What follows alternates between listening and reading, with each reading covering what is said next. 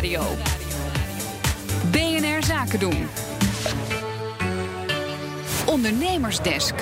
Teambuilding. De een vindt het top en voor de ander is het de hel op aarde. In de ondernemersdesk werkgeluk gaat Connor Klerks op zoek naar de positieve en overigens ook de negatieve aspecten van een dagje gezellig samen buiten kantoor.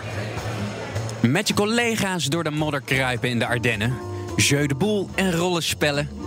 Er is weinig waar je mij persoonlijk meer mee kwelt dan met een dagje teambuilding. Vooral de escape rooms.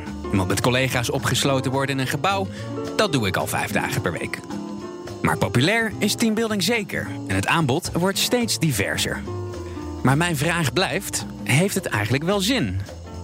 Nou ja, teamuitjes klassiek gezien versterken gewoon de, de band onderling. Tosca Gort, arbeidspsycholoog en oprichter van Gort Coaching. Dus als, je, als, je dat, als je dat je doel is om te doen, zou ik zeggen, ja, zeker in investeren.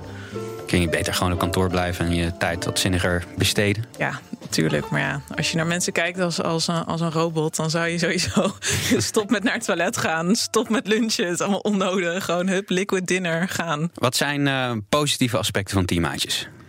Nou ja, je hebt natuurlijk een aantal verschillende soorten teamuitjes. Je hebt teamuitje, wat je zegt, dat is eigenlijk de lichtste variant. Dan heb je teambuilding en dan heb je teamcoaching. Dus je hebt een soort van geleidende schaal van intensiteit. En nou ja, waarom we het doen, is wat ik net al een beetje zo uh, aanhaalde, dat is die verbindingen onderling. Waar mensen eigenlijk het meest en, gelukkig worden in hun leven, is de verbindingen die ze aangaan met andere mensen. Um, en ja, teamuitje is de lichtste variant. En dan heb je teambuilding, uh, de iets zwaardere. En dan de teamcoaching is elkaar echt leren kennen, weten wat de rol is. En dan echt uh, gewoon een team bouwen die tot hogere prestaties uh, um, ja, kan presteren.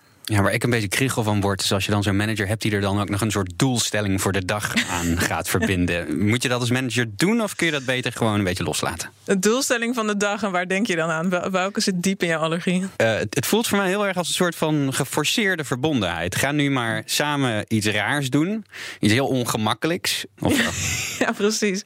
Nou ja, je voelt hem zelf wel aan voor de wat introvertere onder ons. Ik, ik behoor daar ook toe. Is dat gewoon best wel een pittige opgave om dat zo inderdaad als een soort, als een soort groter doel zo op je gegooid te krijgen. Maar ja, ik zou zeggen, kijken wat je eruit kan halen voor jezelf. En het is meestal toch stiekem ook wel heel erg leuk als je er eenmaal inwerpt. Ja, er is ook altijd iemand die net iets te fanatiek is. Hè?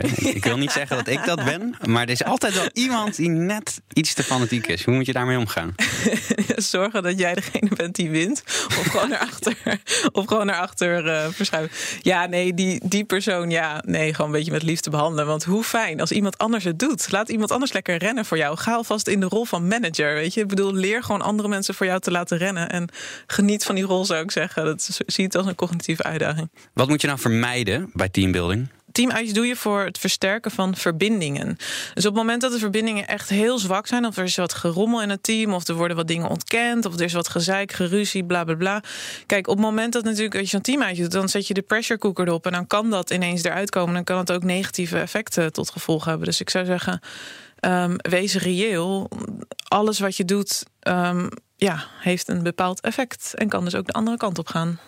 Wat ik uh, persoonlijk de ergste vind, is de escape room. Want ergens uit proberen ontsnappen met mijn collega's. Dat voelt toch al heel erg als een metafoor voor mijn totale carrière. Nou, dat is het ook absoluut. Dat is ook de reden waarom wij, wij ook hebben voor gekozen om escape room teamcoachings aan te bieden. Omdat je kan niet uit die rol. Je zit gewoon in een pressure cooker met jezelf. Je hebt helemaal niet meer door dat een psycholoog jouw groepsproces aan het analyseren is. En je gaat gewoon in je standaard rol. En het is echt heel gaaf om te zien wat je daarna Um, als je daarna naar de beelden van jezelf terugkijkt, in ja, hoe dat inderdaad gewoon één op één Office Live is en de rol die je eigenlijk altijd standaard kiest. Stel, ik ga dat nu doen, dan ga ik aan mijn baas vragen of wat ik aan het doen ben de juiste optie is. Nou, het kan ook zijn dat je een bepaalde rol onderdrukt hebt op kantoor. Dus dat je eigenlijk best houdt van leidinggevende boel aansturen. Maar dat het pas naar buiten komt in die escape room. Want dan val je echt terug op je kracht. Alle, alles is even gereset. En dan zien we ineens iemand bijvoorbeeld heel erg de leiding nemen. En dan, dan bespreken we daarna van... hey, goh, um, ben jij de leidinggevende? Geef jij ook leiding? En dan nee, dat kan ik helemaal. Of dat, dat was nog helemaal niet zo. En dan ineens komt zo'n rol naar boven. En dat is natuurlijk super gaaf om te zien. Dat mensen eigenlijk ja, echt in een echte default gaan. De allergieën van Connor Klerks die kwamen ook naar voren in gesprek met Tosca Gort, arbeidspsycholoog en oprichter van Gort Coaching. Ondernemersdesk werkgeluk wordt mede mogelijk gemaakt door Effectory. Effectory. Listen, learn, lead.